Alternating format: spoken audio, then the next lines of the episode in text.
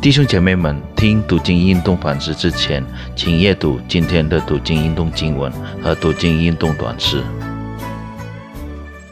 主内的弟兄姐妹们，我们感谢上帝，今天又有机会来反思。我们一杯我们的心，我们祷告。主啊，我们要聆听并思想你的话语，求主带领这个时刻。帮助我们，让我们可以明白你的旨意。谢谢主，我们祷告祈求，奉靠主耶稣的名，阿门。今天经文起自于雅各书第五章二节到第六章三节。我要读给大家第五章二节到八节。我深睡窝。我心却醒，这是我良人的声音。他敲门说：“我的妹子，我的佳偶，我的鸽子，我的完全人，求你给我开门，因我的头满了露水，我的头发被夜露滴湿。”我回答说：“我脱了衣裳。”怎能再穿上呢？我洗了脚，怎能再玷污呢？我的良人从门孔里伸进手来，我便因他动了心。我给我的良人开了门，我的良人却已转身走了。他说话的时候，我神不守舍。我寻找他。进行不见，我呼叫他，他却不回答。城中巡逻看守的人遇见我，打了我，伤了我。看守城墙的人夺去我的披肩。耶路撒冷的众女子啊，我嘱咐你们。若遇见我的良人，要告诉他，我因思爱成病。今天反思主题是婚姻中的合一。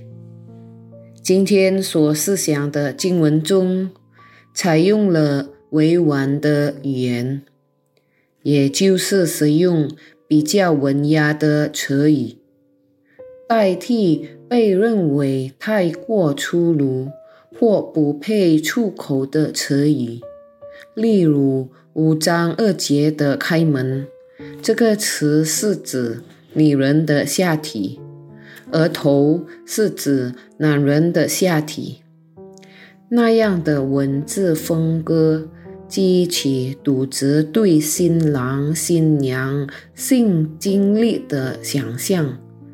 男方主动开始亲密的肉体关系，但是女方却还未准备好做回应。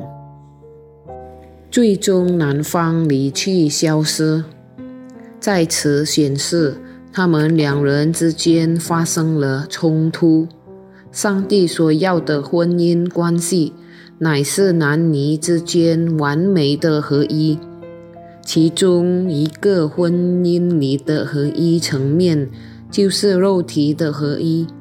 根据以上的理解，这段经文也论到关乎婚姻中的合一，虽然不是直接的。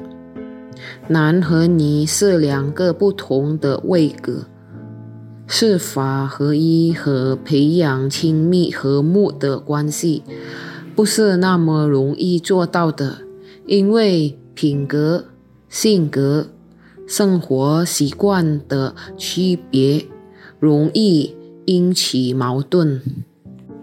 在这种情况下，新娘所采取的行动，可以作为我们学习的榜样。第一，新娘被描述为出去寻找新郎。在这里，我们可以学习到，即便有挑战，需要有一方愿意让步，愿意牺牲，想尽办法让两人可以在和睦合一。第二，新娘则有提到男方好的一面，没有提到他坏的一面。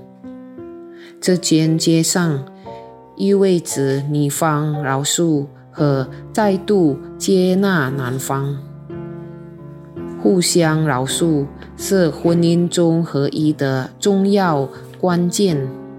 第三，他们彼此持守关系中的誓约。婚姻乃是象征基督和教会之间的关系。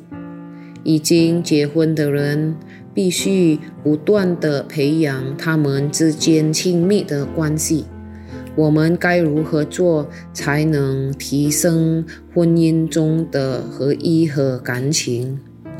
我们如何教育别人，特别是年轻人，好让他们在将来的婚姻生活中能竭力达到所谓的永结通心、白头偕老？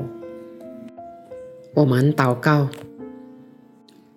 主啊，我们感谢你，你的话语今天教导了我们，我们如何成为好的夫妻。我们渴慕我们的婚姻可以荣耀你的名，可以成为别人的祝福。求主帮助我们，求主怜悯。谢谢主耶稣，听我们祷告，奉靠主耶稣的名，阿门。